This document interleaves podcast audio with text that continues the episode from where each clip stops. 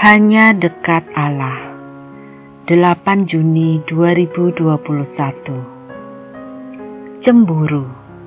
Amsal 27 ayat 4. Panas hati, kejam dan murka melanda. Tetapi siapa dapat tahan terhadap cemburu? Amsal ini menyatakan bahwa panas hati bisa membuat orang melakukan tindakan kejam.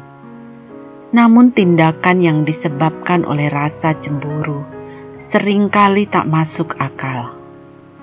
Dalam Alkitab Bahasa Indonesia masa kini tertera, kemarahan itu kejam dan menghancurkan, tetapi menghadapi cemburu, siapa tahan?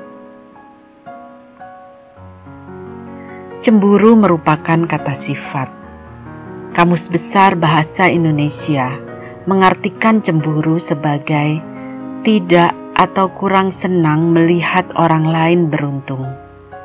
Sinonimnya adalah iri atau sirik. Rasa iri memang bisa berbahaya. Kisah Kain dan Habil memperlihatkan dengan jelas. Karena rasa cemburu, Kain membunuh Habil. Arti lainnya adalah kurang percaya atau curiga. Ada contoh kalimat dalam Kamus Besar Bahasa Indonesia. Istrinya selalu cemburu kalau suaminya pulang terlambat. Itu berarti si istri kurang percaya atau curiga kalau suaminya pulang terlambat. Bisa jadi itu karena rasa cinta.